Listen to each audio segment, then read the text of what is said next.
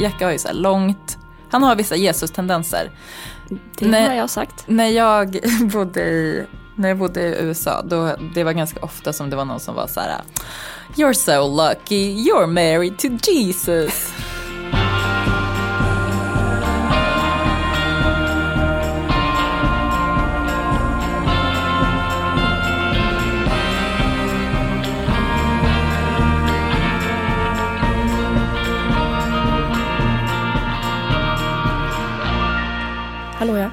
Hallå där.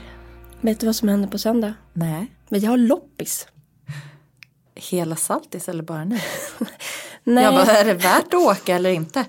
nej, det är lite, lite dålig timing. Det är jag som har initierat det här för att vi har massa mm, inredning och grejer och kläder som liksom inte... Eh, Olle kommer inte kunna ha allt det och vi kommer inte få plats med allt. Jag måste liksom rensa lagret. Så då initierade jag det med våra grannar i kvarteret. Så det är flera grannar som kommer eh, ha loppis på söndag. Men det var lite dålig timing för förra helgen var det liksom en stor loppis. Men det visste inte jag. Så vi får se. Men jag tror, kom och köp på söndag. Vad är det för datum? Typ 2 oktober. Åh gud, det är oktober. Ja, Mellan typ 11 och 3. mysigt. Ja, för vi har ju pratat lite om loppisar på ett eh, nedvärderande sätt. Ja, att vi inte har varit så inspirerade. Nej, men jag fick en sån injektion när jag var nere mm, i Lidköpingstrakten, Kinnekulle, förra helgen. Mm, ja, just det. Då gick vi på en hederlig loppis med bra priser, massa härliga grejer. Så då fick jag lite, mm, Köpte du något? massor faktiskt. Vad? En fågelholk. Gulligt. Ja, men var lite otippat. mm, väldigt. Också, jag tyckte det var konstigt att den var lackad, för det är ju inte jättepraktiskt. Men det verkar vara egentligen en fågelholk där man ska ställa en spritflaska inuti. Va? För det står när man öppnar dörren, grattis på 60-årsdagen Bernt. Men ja, det är, jag tänker sätta upp den ändå. Smygsupa i trädgården. Konstigt. Och sen eh, en, gammal, en stor tvättkorg som man bara kan ösa ut tvätten Ja. och växla mellan de olika enheterna. Nej, men det var bra, så köpte jag eh, keramik från Gustavsberg som kostade nästan ingenting. Eh, mattallrikar och sånt. Och glas. Åh, Jättefina. gud vad mysigt. Vi var i vårt hus. I missionshuset i helgen. Och det är ju också lite som en loppis. Ja, Eftersom Kurt, som vi kan kalla honom, eller visst var det Kurt? Ja, håller på att tömma. Alltså han har klara hårder tendenser fast med liksom ganska fina saker. Så jag har letat efter två pottskåp som vi ska kunna ha i vårt matrum faktiskt. På, varsin, oj, på varsin sida om en dörr. Ja. får bara tvätta dem. ja, jag har gjort det. Ja. Men då har jag kollat på Blocket eh, och eh, liksom Marketplace och Bukowskis och Auctionet i eh, två veckor och inte hittat några. Nej, Och då hade han ett par. suveränt ja. Ja, det var jättebra. Sen upptäckte vi tyvärr också att taket som vi trodde var okej inte är okej. Det kunde man ju aldrig tro. Det är det enda folk har frågat mig om. Hur är det med taket då? Nej men taket måste läggas om. Så nu är vi liksom, nu får vi prioritera om med vår lilla budget och lägga om taket. Så jag håller liksom på att peppa familjen för utedassliv. Det är bara, jag skulle säga tugga i sig men det, eh, det är bara att göra.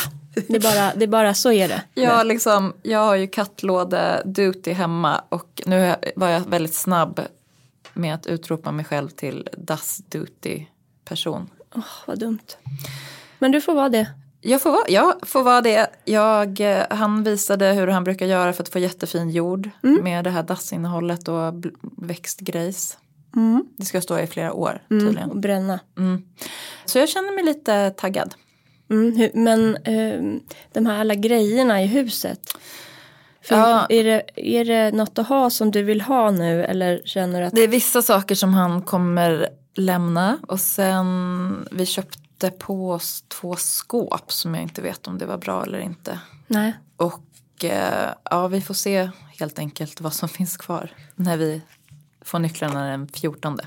Men jag känner verkligen att jag, så här, jag har börjat gå igång som 17 på att eh, leva enkelt och eh, snålt. Ja, lilla prärien, alltså lilla huset på prärien. Ja. Ja men 100 procent, berätta så ska vi se om vi tänker lika. Nej, men jag ser så mycket fram emot att bara att inte ha massa saker och grejer som eh, stressar mig. Jag vill, oh, det du gör ju redan det här, odla och sådär. Det kommer nog i och för sig få bli lite senare. För att jag såg också att eh, det har varit grisar och bökat upp Vildsvin. vildsvin i, eh, på gräsmattan så vi kommer behöva sätta upp staket och grejer. Men jag vill bara vara där ute och pilla. Mm, jag förstår 100 procent. Jag har gjort några spaningar. Dels så har jag gått och handlat mat på Willys.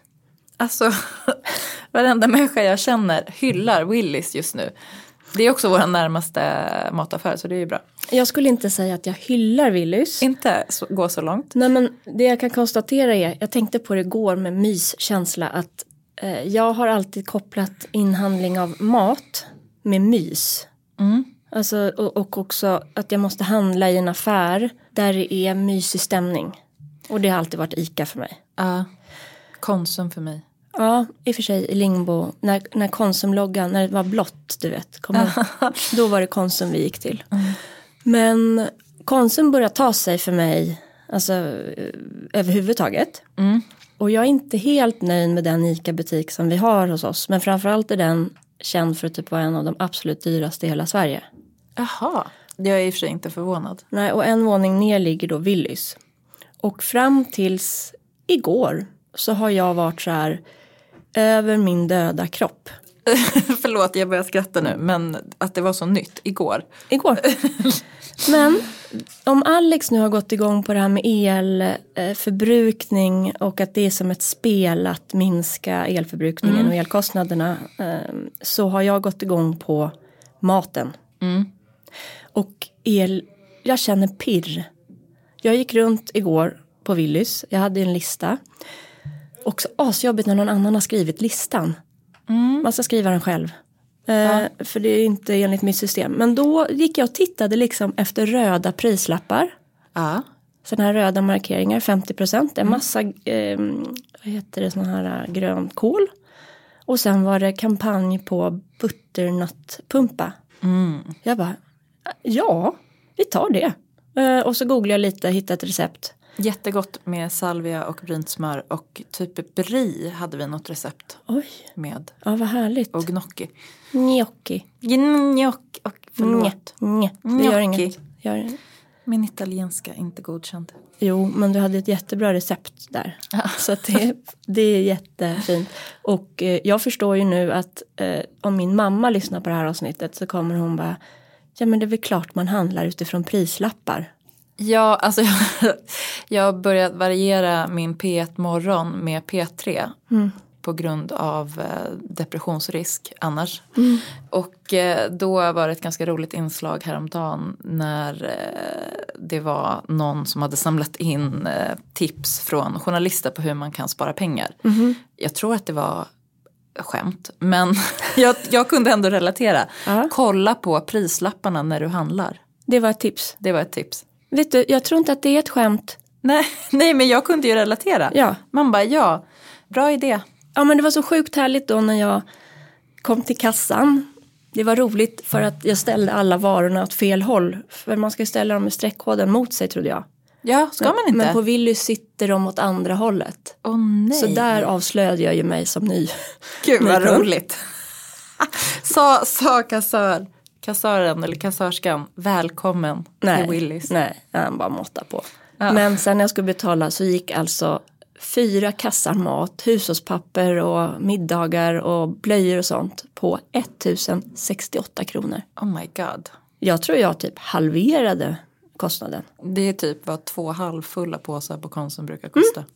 Och jag, det var liksom ekologiskt men väldigt mycket röda lappar. Så nu måste vi äta allt det där för annars så Precis, jag tror det, det är där vi har också pratat om så här, vad kan man spara pengar på? Och vi slänger ganska mycket mat. Det är liksom nästan det känns skamligt att erkänna det, men så är det. Du är nog inte ensam. Och då tänker jag att inventera, för det är också roligt. Ja, att Mm. få snyggt i sina skåp och fräscht. Vi har pastaskåpet, det ligger ris och sånt, eh, skorpor i botten. Mm. Jag ska hem någon dag och liksom dammsuga ur att det blir fräscht där och se vad har vi här nu? Mm. Och komplettera och kanske typ planera middagar bara så här två dagar i förväg. Mm. Så att man inte liksom behöver slänga grejer för att det har gått ut. Precis, så tänker jag också, det här blir svårt för min man. Han måste liksom ha en lista som han håller sig till och han kan inte gå utanför listan. Nej, han kan Eh. inte slå till om det är kampanj på butternut. Nej, det Nej. går liksom inte. Men det kanske är så man måste, vi måste börja göra mer nu. Ja, Det går jag igång på mycket mer. men det här tycker jag är inspirerande. Ja, Jag blir helt pirrig. Alltså, vad bra. ja. Grönkål kände jag, det, det vill jag gå och hitta på specialpris. Mm. Ugh, jag kräks lite i munnen för att vi är så privilegierade. Men så är det. Jaha. Är vi äckliga där som säger att vi inte har tänkt på pris? Nej men det är ju sant.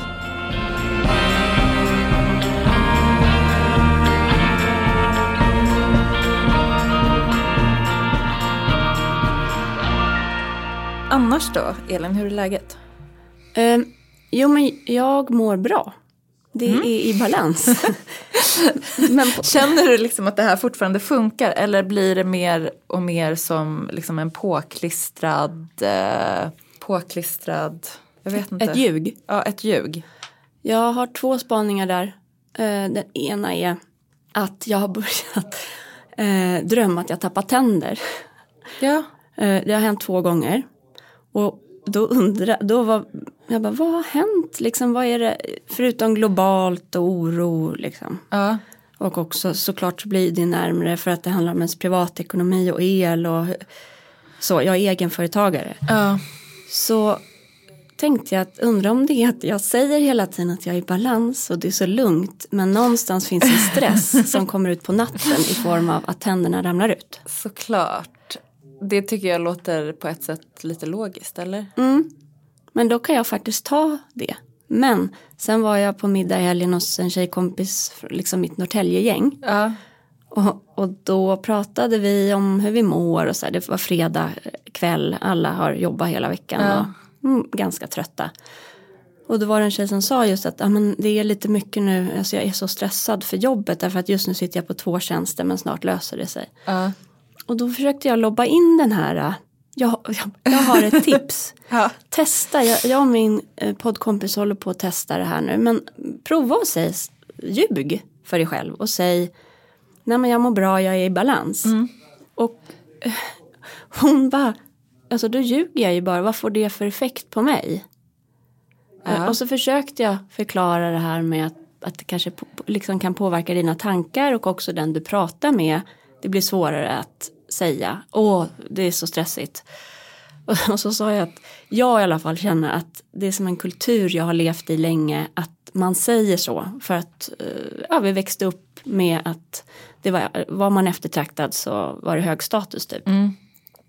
Men det landade liksom inte riktigt hos henne. Och så satt bredvid mig eh, en annan tjej som har varit utbränd. Mm.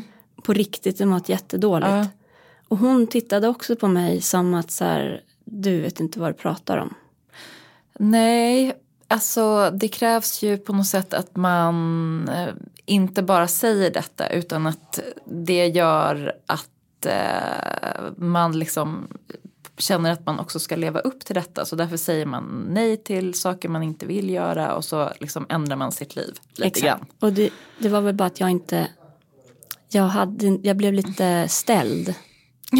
att de inte bara sa halleluja. Nej men jag fattar. Jag tänker att det är ju liksom, vi har ju kämpat så länge med att man inte ska säga bara så här, det är bra.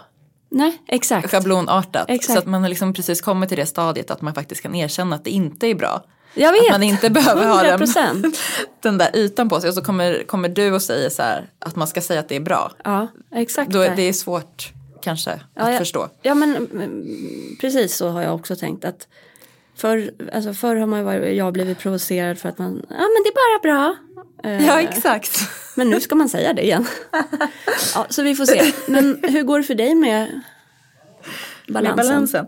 Alltså jag vet inte, jag vaknade klockan fyra i morse och kunde inte sova om. Sova om, somna om. Nähä. Så att jag är väl lite, Är det taket? kanske att det är lite taket.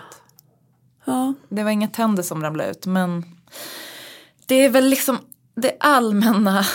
Men jag känner att jag, att jag eh, bombarderas, så fort jag möter omvärlden så bombarderas jag av ehm, hur fruktansvärt allting är. Och det finns, det är nästan som att det inte finns en ljusglimt. Är det nu man vill ha Hans? Ja, Rosling, tack. Kom tillbaka. Ja, eh, nej men det är ju, eh, det är ju sådär eh, kolsvart faktiskt i omvärld och nationellt och nära. Men Ja. man får inte, ja, det finns två lägen tycker jag. Antingen så är det upp till kamp. Mm. Och de här lägena skiftar jag mellan. Upp till kamp eller jag ger upp. Jag flyr. Mm. Och i helgen skulle jag flytta ut i skogen. Mm. Ehm, Det, vi har ju, har ju vårt hus nu. ja, ni har ju är det. ju på ett fält, inte riktigt skogen men Och när jag började hamstra så här. I natt låg jag och googlade på eh, ved. ja. Och det vet vi ju att i Stockholmsområdet är det ju brist på ved. Precis, jag vet inte, gäller det i hela landet eller är det bara Nej, här? eh, Nej, det här alltså, har du googlat. Eh, det, framförallt är det ju här. Det finns ju i Norrland och Värmland och små, det finns ju ved. Men eh, svensk ved i Stockholmsregionen finns det typ inte att få tag på. Ah, vi missade ju att göra våran liksom, höstliga vedbeställning. Ja, men och, och då kom jag att tänka på eh, var kommer ved ifrån? Och det vet du hur mycket vi importerar från Baltikum? Ved. Nej. Så varenda påse, om du tittar på Bauhaus eller så står det Baltic eller Norge. Och då kan det tydligen gå från Baltikum, alltså till Norge och sen till oss. Gud, det här eh, var verkligen ny information. Jag kan inte säga vad det får ha för eh, liksom, koldioxidutsläpp, konsekvenser av transporten. Men jag bara känner att det är helt ologiskt för mig att köpa ved från ett annat land än Sverige. Ja. Så då hittade jag på Blocket, det här är mitt tips. En privatperson som bara, jag funderar på att åka ner från eh, Värmland med eh, 15 kubik ved. Det är intresse, han, koll han gjorde, vem vill ha? Och då skrev Men gud vad bra, kan du skicka till mig? ja men jag har köpt de sista tre kubiken. Det är också så här kubik. Han kommer på torsdag. Hur mycket är en kubik? Ja, jättemycket. Det beror ju på också Tre kubikmeter, det är alltså... tus, 3000. Ja. Men det beror på om det är staplat eller löst. Ja, det Skit i det. Jag bara tipset är ved från Sverige, Blocket. Mm. Torr, max 20% fuktgrad inuti. Perfekt, jag ska kolla.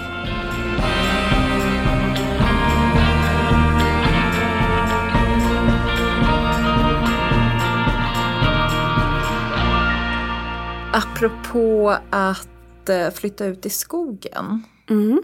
Har du tänkt på hur många fantastiska konstnärer som gör det? Just nu eller generellt? Generellt, för jag tror nog att många av dem har bott där ute i skogen ett tag. Jo men det är ju som en, en rörelse som har pågått länge. Ja, jag tycker det är så här, vad är, vad är det? Jag, nu tänker jag till exempel på Krista Lova, Mm. eh, Sara Vide Eriksson, Mm. eh, Karin Bros. Berätta lite kort om de här kvinnorna. För jag tror inte att alla vet till exempel jag. Vet inte vilka alla tre är. Eh, men Krista Lova, Mm. hon är ju en eh, tjeckiskfödd Norrtälje-konstnär. Mm. Jag såg hennes verk för första gången i San Francisco av alla platser. Mhm, Vad är det här?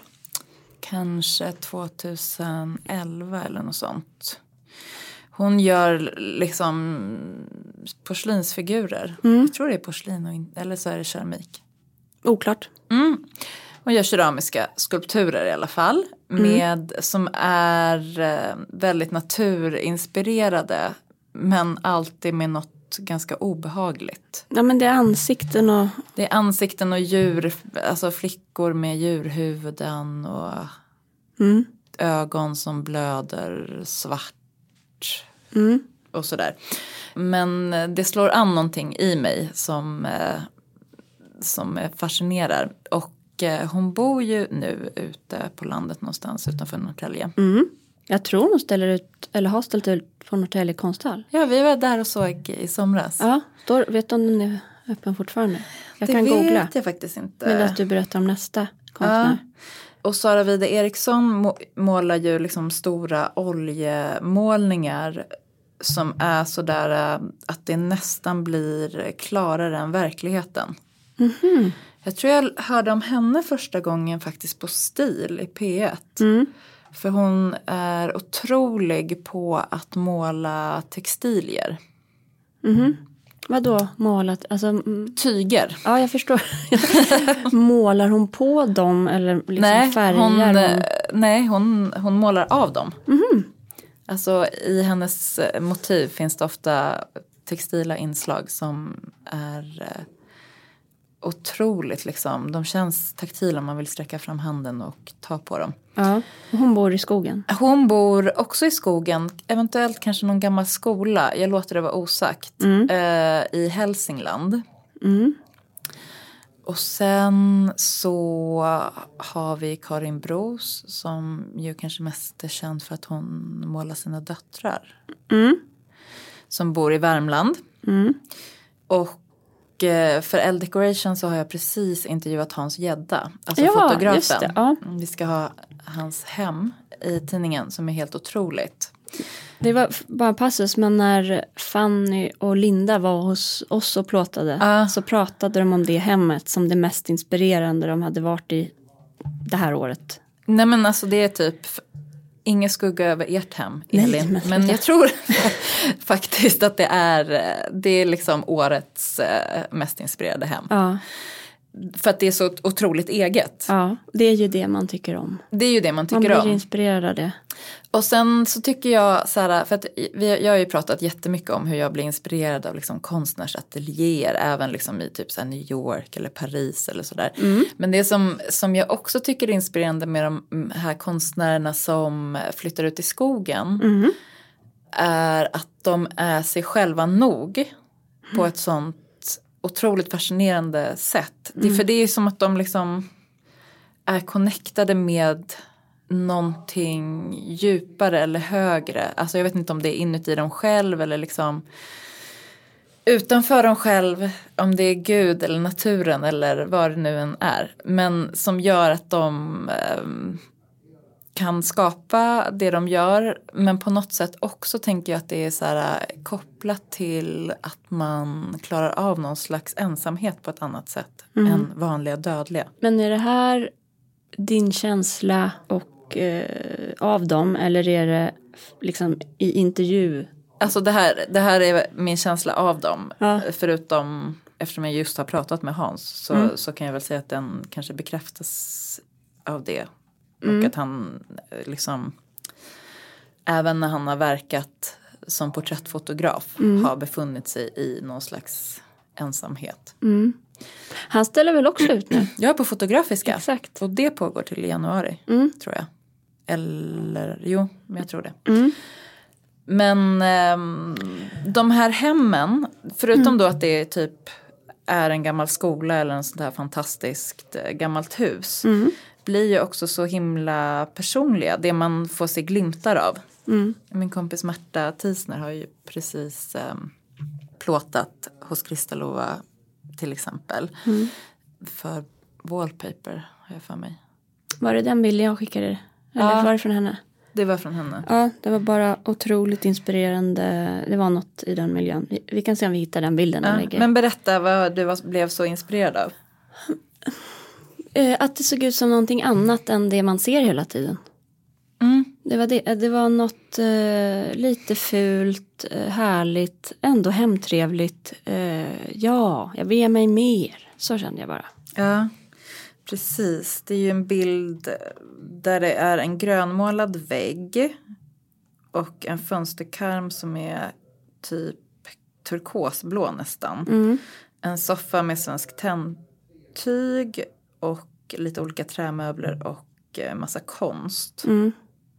Det låter nu när du beskriver det kanske som att det är som vilket hem som helst. Men det, det är någonting annat. Ja, den det är där någonting kombinationen. annat. precis. Jag känner liksom också att jag just nu är eh, så otroligt eh, dragen till det, ja men lite brittisk eh, crazy, Mm. artig stuga. Mm. Men det är väl din kreativa hjärna som vill hitta nya inspirationer och miljöer och kontexter och plocka delar och fortsätta med ditt hem. Eller? Ja, jo men så är det ju absolut. Men det är som att när man inte själv är konstnär så kan man inte nå hela vägen. Jo. Även Kakan Hermansson har ju köpt ett hus söder om Stockholm och eh, målat alla listerna i väldigt liksom, kraftiga färger. Mm. Det känns ju lite som India Madavi-spåret. Att eh, alltså inte hålla på och bara riva ut och så utan förstärka till exempel då listen istället för att riva ut den. Ja, precis. Och ersätta. Mm. Ja. Men ehm, jag förstår det där du menar med att de, man, jag får respekt för de här kvinnorna som flyttar ut eller bor ute på landet eller männen också för den delen och har sin värld där därför att det finns ju något otroligt tryggt med att vara omringad med likasinnade. Jag tänkte på det, jag var och klippte mig på Söder eller vad jag gjorde förra veckan, föna håret. Och så kände jag mig helt hemma där att ja men här så här är det här och eh, men att jag vill, jag vill liksom inte bo där. Jag, jag vill också bo ute i skogen.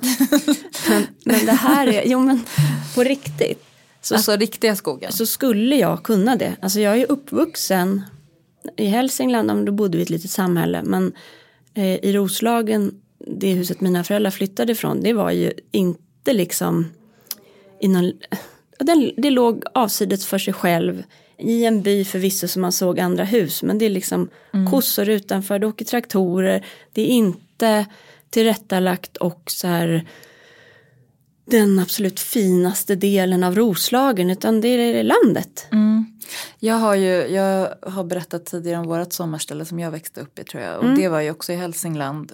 Och där var det bara så här sjö och skog. Mm. Man såg inte, jo men man såg kanske ett annat hus på andra sidan sjön. Mm. Så det är nog också att jag har liksom någon slags konstant längtan tillbaka till en förlorad barndom eller något. Mm. Låter som Alex Schulman. och på ett bra sätt. Alltså jag älskar barndomarna. Ja. Att grotta i det. Men, Nej, men en- det är liksom en trygg plats för mig. Det har väl att göra med att jag också trivs bra i ensamhet. Precis, och, och det är egentligen det som jag har kommit fram till att så som vi lever nu och våra barn och bonusfamiljsupplägg och också arbete så det blir väldigt opraktiskt att flytta långt ut Ja. eh, just nu. Och om jag skulle leva med en annan typ av person som verkligen ville det, då hade jag kunnat bo, alltså då skulle jag kunna ha bondgård. Inte bondgård att leva på, men jag skulle kunna verkligen haft ett hus där det gick att ha lite djur. Tänk vad många djur du skulle ha. Ja, Geten hade du fått i alla fall. ja, men nu har jag fått väldigt mycket in, alltså inside information att de bajsar och rymmer hela tiden. Så det verkar, det är inte några solskenshistorier man hör om folk som har haft jätte faktiskt. Nej. Nej men, jag, det finns ju flera varianter av sig själv i sig. Mm. Och så har jag gjort någon typ av kalkyl av vad är det för liv vi kan leva just nu. Mm. Och då bor vi nu, bara att vi bor i ett hus i ett stort steg. Ja. Nej men så känner ju både jag och Jackie också med vårt radhus. Ja, och nu ett missionshus. Ja. det känns mest som ett äventyr. Ja. Det ska bli kul att följa. Har inte du startat ett Instakonto för det? Jo, det har jag, men jag har inte riktigt lagt upp något än. Jag ville ju, Jackie var ju så här, han bara, du måste kolla om det finns ett hus till. men det var redan taget, Aha. tyvärr. Ja, vad roligt det hade varit. Ja, det hade varit så kul. Nu heter det Roslagshuset. Ja, För jag känner liksom att jag vill skapa ett community kring att renovera ett hus. mm, Jag vill, ha, jag, vill ha, jag vill ha den världen. Och jag vet, men jag orkar inte vara på Facebook. Är det på Facebook de är? Nej, ja, jag tror det. Det är vad jag har hört. När man börjar prata om byggnadsvård, då tycker jag så här, det första folk säger är så här, oj, oj, oj, ja, passa dig, det där är ju inte en trevlig eh, community. Oj, Passa dig för de där Facebook-forumen. är det en sekt? Nej, men det finns, jo eller kanske att det, det, finns som en innersta kärna där som är väldigt hård. Alltså typ som den hårdaste kristna sekten. Aha, men du kanske inte måste in där? Du kanske Nej, jag ska absolut inte in där. Lite mer frikyrklig variant på ja, byggnadsvård. Väldigt frikyrklig. Alltså. Mm. Men du bor i ett missionshus? ja, vi var där ju som sagt i söndags och då berättade Kurt att det finns en lucka från vinden ner i, i själva liksom salen, mm. kyrksalen då. Och att han hade liksom föreställt sig att Jacke skulle hissas ner. Jacke har ju så här långt, han har vissa Jesus-tendenser. Det när, har jag sagt. När jag bodde i när jag bodde i USA, då, det var ganska ofta som det var någon som var så här You're so lucky, you're married to Jesus. Eh, men då hade i alla fall Kurt föreställt sig att Jacke ska liksom hissas ner som en Jesusfigur ur den där luckan. Okej. Också pytte, pytte lite underligt. Att han har tänkt på det. Ja, jag tyckte det var härligt. Mest, mest härligt.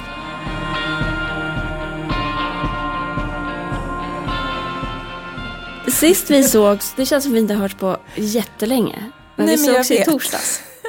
ja, vi sågs ju i torsdags för då delade vi ut pris. Vilka vi? Vi som i eh, L-Decoration och eh, jag har varit ordförande för vår jury för L-Deco Design Awards. Just det. Och det var så himla roligt att få avslöja vinnarna eftersom vi satte dem i december och sen så har det varit lite oklart liksom hur detta ska kommuniceras och firas. Mm. Det var fint för du eh, läste upp alla motiveringarna och jag kan sätta pengar på att du hade skrivit dem. Mm. För jag känner igen ditt sätt att kommunicera nu. Superfint. Och jag eh, insåg när jag stod där bredvid att eh, nu är vi kompisar. Alltså för jag tycker jag ville att det skulle gå bra när jag lyssnade på dig när du pratade och kände mig lite så här ja, stolt. Gulligt. Mm, jag tycker om det. Mm. Du satt ju liksom bredvid Sia Jönsson, chefredaktören. Mm. Som jag tänker är min så här jobbmorsa. Mm. Och så är det min jobbsyrra. Det var, mm. kändes tryggt. Ja men det, det var, du, behöv, du var ju otroligt trygg på scenen. Ja, jag har liksom börjat tycka det är lite kul. Du var ju tillsammans med Cecilia. Ja, som min kollega. Cecilia von Mentzer som är editionschef. Men det kändes så himla bra att dela ut de här priserna till de här personerna och ni kan läsa om alla på eldecoration.se. Men en sak eh, som var extra tydlig på något sätt är den här tendensen inom designvärlden som går mot eh, återbruk och nya sätt att jobba hållbart på limiterade upplagor och hur eh, även liksom designvärlden närmar sig konstvärlden. Spot on, ja. Så var det ju också under designveckan som vi aldrig riktigt följde upp. Mm. Men Kråkvik Doratio som är en norsk-italiensk stylistduo hade gjort en utställning på NK som liksom skulle sammanfatta skandinavisk design just nu. Mm, det var ju eh. den Hanna Nova pratade om. Ja men precis. Eh, hoppas att några av er hann gå och titta på den. Men där var det ju också så här extremt mycket unikat och eh, trävaror. För det är mm. väl liksom det vi, vi har mycket av här i Sverige. Men jag tycker det är så inspirerande. Verkligen. Jag tyckte att eh, det var värdiga vinnare eh, och Siri Carlén som vi kommer till då och då mm. vann ju Årets blickfång. Vi ja. har ju en del lite så här flummiga kategorier som är så härliga för att det gör att personer som inte så här, åh, du har gjort årets matta. Ja. Det har hon i och för sig gjort. Men, men att liksom man kan välja att uppmärksamma en person som liksom är um, aktuell på så många olika plan. Just det. Nej, men, och då tyckte jag det var fint när hon höll sitt tacktal som hon sa, aha man skulle förberett sig. Och så frågar Cecilia vilka material hon kommer närma sig framöver om hon har tänkt på det. Hon jag ska vara helt ärlig, alltså nu har jag packat ihop för en utställning och gjort, alltså jag är helt tom. Ja. Jag, jag är helt tom eh, och hoppas att någon ska vilja typ jobba med mig igen. Ja, jag tyckte det var så skönt. Exakt. Det... Alltså, och det kände jag i flera av de här tacktalen. Eh, de ställdes, de var inte så tvärsäkra. Vi har liksom lärt oss att vi måste vara så tvärsäkra hela tiden. Mm. Utan de öppnade upp för frågor om framtiden och riktningar. Och, ja, jag, jag tyckte det var jätteinspirerande. Ja, det är ju det, att höra andras, eller jag tycker i alla fall det, Mm. andras tvivel och funderingar och att det är inte bara så, från utsidan ser det ut som att det går väldigt bra för henne, Mm. Siri. Men att hon är en människa där och också så att ganska stereotypt tänker jag konstnärssjäl, att man levererar och levererar och sen blir det tomt. Det är ju en kreativ process, Mm. ganska vanlig del av den. Precis. Och sen var det roligt för efteråt pratade hon bara, jag fattar liksom inte vad jag gör i den här designvärlden. Och det Nej. var ju så spot on, precis det du sa nu, att konsten närmar sig och designvärlden närmar sig konsten. Ja, verkligen. Alltså förlåt mig, jag måste bara inflika att Mm. eh, vi är så motsägelsefulla eftersom vi precis har sagt att man bara ska säga att det går bra och man är i balans. Mm. Och sen så blir vi ändå så berörda av att någon säger att det är tomt. Jo men ska jag säga exakt vad jag menar då? Jag vill sätta stopp för slentrian, jag har det lite mycket nu, jag är stressad. Precis. Det är bara det. Ja. Och det Siri sa var ju, jag är tom. Det har jag aldrig hört någon säga på frågan Nej, jag hur, bara, hur är läget? nej, precis. Jag har bara känt med det ibland. Ja. Så det tyckte jag om.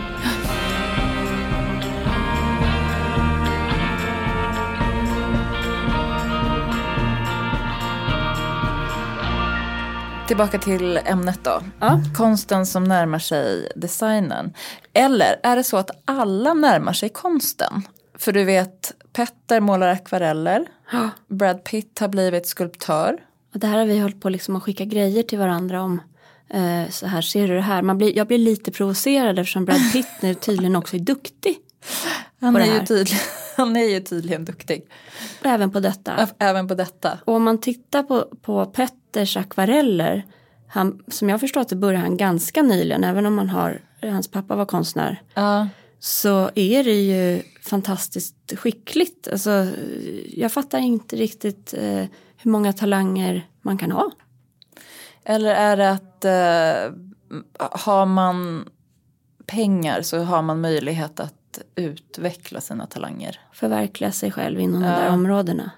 Jag läste på lite om Brad Pitt. Han började ju då tydligen gå och göra keramik hos eh, Thomas Hausego tror jag han heter. Den här brittiska konstnären som han och även Nick Cave ställde ut tillsammans med i Finland i Tammerfors. Just det. Efter skilsmässan från Angelina Jolie så började han gå och göra keramik.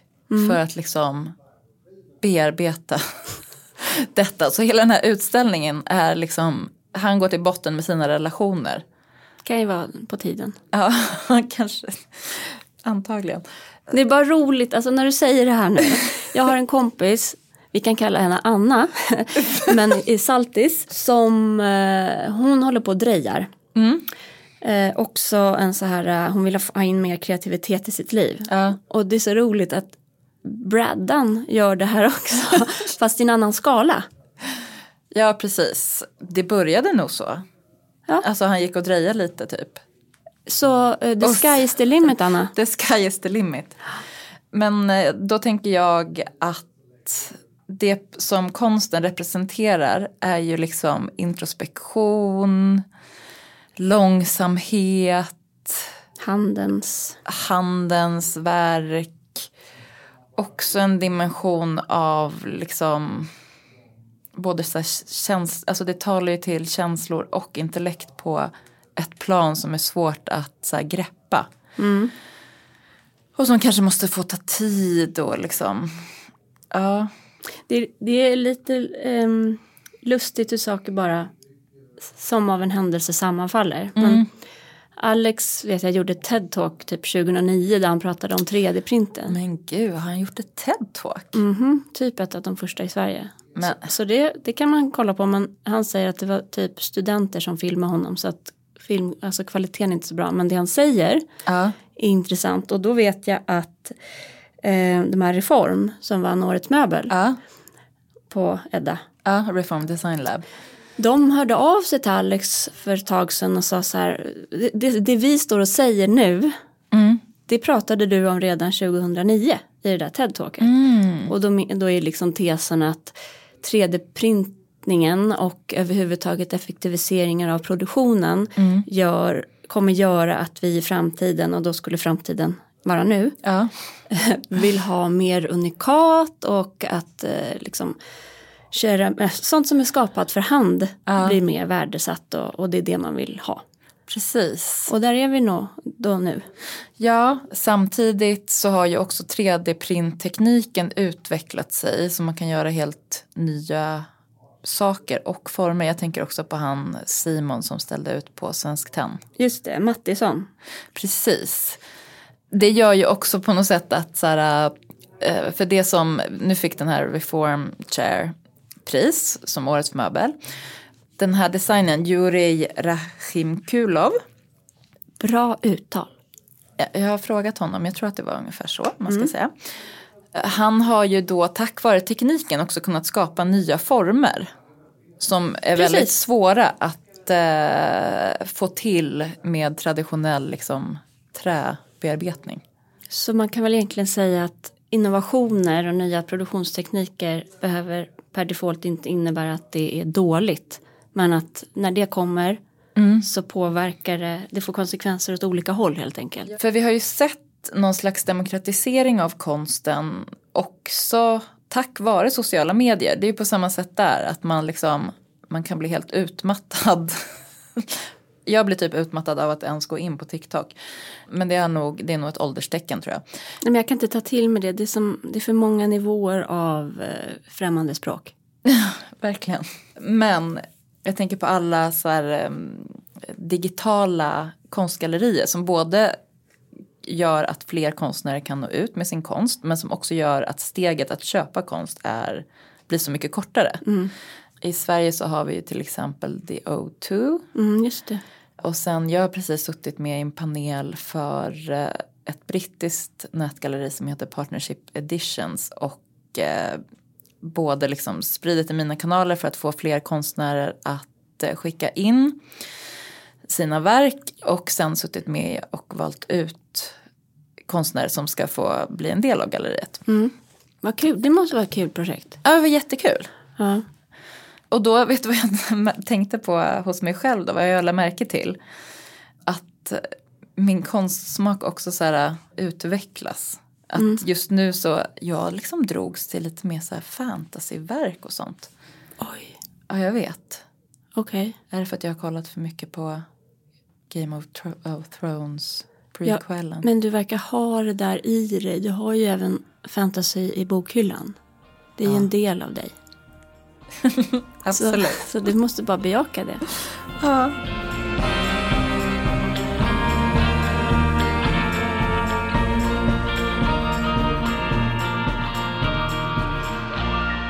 Men apropå Game of Thrones, man kan ju liksom känna att våran civilisation as we know it är på väg mot romarrikets fall.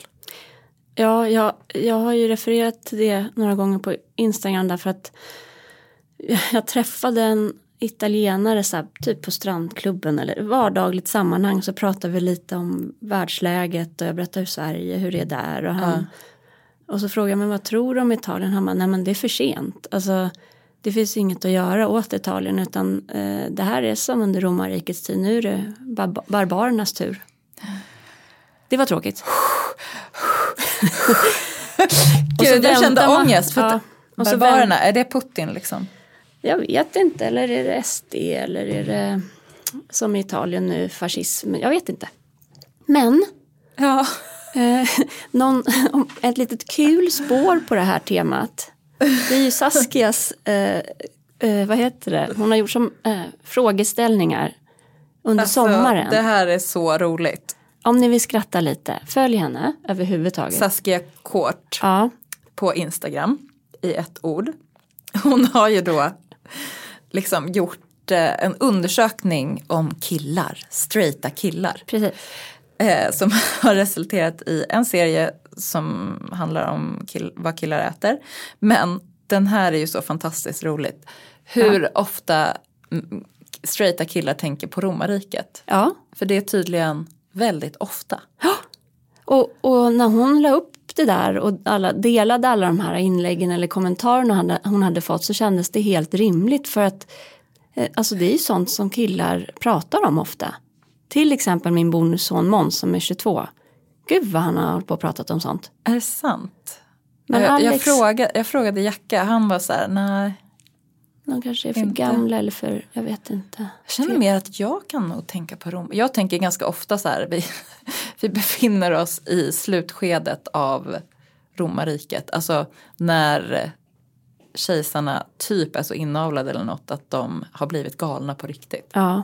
Det är så våran kultur känns. ja men precis, för jag, i vår familj är det jag som refererar till romarriket hela tiden. Det är du och jag som är de straighta männen. Ja. Men alltså det här är så faktiskt, man kan skratta som man gråter om man är på rätt humör. Finns det något kul du kan läsa upp där? Eh, Då har hon skärmdumpat eh, kommentarer som hon har fått eller fått skickade till sig. Tjej till kille. Tänker du ofta på romarriket? Ja, varför då? De gjorde en del. Jaha, brukar du och dina grabbar prata om det ihop? Bara Andreas. Ja. Min kille säger att han är mest intresserad av det sena republikens Rom och har också en tatuering av någon som heter Cicero från ja, hans favoritromare. Jag frågade hur ofta han tänker på romarriket och han svarade ja, det blir väl någon timme om dagen. Herregud. Frågade min kille om han tänker på romarriket. Först sa han nej. Sen medgav han att han dock hade en tanke om att basera en bok han vill skriva på ett händelseförlopp under romarriket fast flytta fram det till ungefär hundra år fram från vår tid nu. Eh, jag bara okej, så du tänker mycket på romarriket? Han bara ja. Herregud. Alltså det här får mig faktiskt också att tänka på att män, um, med stor risk för att generalisera, men uh, Alex har massa olika så här, um, chattar med sina killkompisar, de har olika trådar. Det har Jacka också. Ja, jag får för mig att det här är en, en snubbegrej. Alltså det vet jag. Jag har det med mina tjejkompisar också. Inte jättemånga olika men jag vet tjejer som har det med. Så här, samhälle, Tjejer. politik, sport. Alltså de har teman. Jaha, de Som har en- teman? Ja, Nej, är det sant? Ja, och, och det jag tänkte på, för han berättade, nu vet han jättemycket om någon, någon, någon grej som man kan addera för värmeväxling eller något som var smart. Att de, de, gör liksom, de samlar massa kunskap och tips i de här trådarna som de delar med sig av. Men Eh, Gud, otroligt. Och då tänker jag bara på kvinnor som lever ensamma eller att man inte ingår i en sån där tråd. Vilka, vad mycket kunskap det är som de här snubbarna ändå delar med sig av. Ja, Som man då kanske inte nås av. kan inte... Vi måste börja skapa trådar. Känner- Istället för de här middagsbjudningarna, salongerna. Mm. Som man kanske inte hinner gå på. Så Ja, får det- man skapa trådar på olika teman. Ja, på något sätt så tror jag vi behöver ta den här eh, sorgen eller ch- chocken över världsläget och, och vi behöver ta, liksom bli kreativa i det istället och hitta hur kan jag göra så att det blir lite bättre. Och, och Och sånt, inte bara flytta ut i skogen. nej det går inte, alltså, utan ja, jag håller på att klura på allt möjligt. Kryptisk.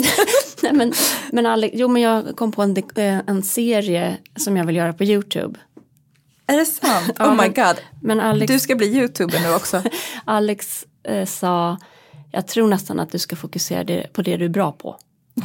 Vad var serien? Berätta. Den, den skulle kunna heta Är jag sosse? Och, och den skulle kunna heta vilket parti som helst egentligen. Men sosse har ju någon sån negativ klang men eh, sen förr att man var sosse. Så här gråsosse. Exakt. Ja. Och nu då så är, är tendensen att eh, man i städerna eh, börjar rösta socialdemokratiskt för att man är privilegierad, typ enkelt förkortat. Och då skulle jag vilja åka tillbaks, jag skulle vilja intervjua folk från min uppväxtort där uppe i Hälsingland. Tesen är så här, om vi nu bor i städerna och har tappat kontakt med lands, landsorten. Jag kom, alltså många av oss kommer ju därifrån. Eh, Att jag skulle åka runt och intervjua människor där för att bättre fatta deras bara vardag. Inte så här, ja jag åker till Tensta, hur är det i utsatta områden? Utan, och så skulle jag kunna åka vidare till Roslagen och så skulle man kunna ha flera olika ämnen i det där för att på något sätt få se, dels för min egen skull, jag vet, jag vet inte, är det socialdemokrat jag är? Jag tror det. Men det skulle, vilken politik är det som skulle kunna göra vårt land mest nytta? Och då tänker du att en del i nyttan är att minska de här klyftorna liksom? Jag att vi ska förstå varandra exakt, bättre? Exakt, en, en del är att vi måste förstå varandra och sluta vara så rädda. För det är ju rädslan som gör det här. Det är, det är klassiskt, när det är oroligt i världen så växer hög, eh, högerextrema krafter. Mm. Så jag hade tänkt att det kunde vara som en personlig eh, efterforskning kring vad man tror på och också samtidigt en kollektiv så här, så här ser Sverige ut. Men jag ska inte göra den. Så varsågod, här fick du en programidé. Nu är det helg. Nu är det helg. Jag känner mig eventuellt lite lättare om hjärtat. Jag har kommit på att jag måste sluta lyssna på P1 på morgnarna för att jag, det är för tungt. Världen är för tung för mig just nu. Jag ska lyssna på P3, då, kan man få, då får man i alla fall lite musik emellan. Ja, och den är liksom lite, eh, eh verkligheten är glatt framställd. Alltså de, säger, de berättar ju också liksom om, om världsläget men med, med en lite gladare ton. Det är lite mer energi liksom. Mm. Det tror jag på. Det är liksom, vi ska igenom det här bara. Och på söndag har jag min loppis. Snälla kom, Sätravägen 17. Ja, jag ska fundera på om det är något jag behöver. Och, och fråga om det finns innan jag sätter mig på cykeln. Ja, okej. Okay. Jättemycket palettbladsticklingar till exempel. Oh. Mm. Trevlig helg. Trevlig helg.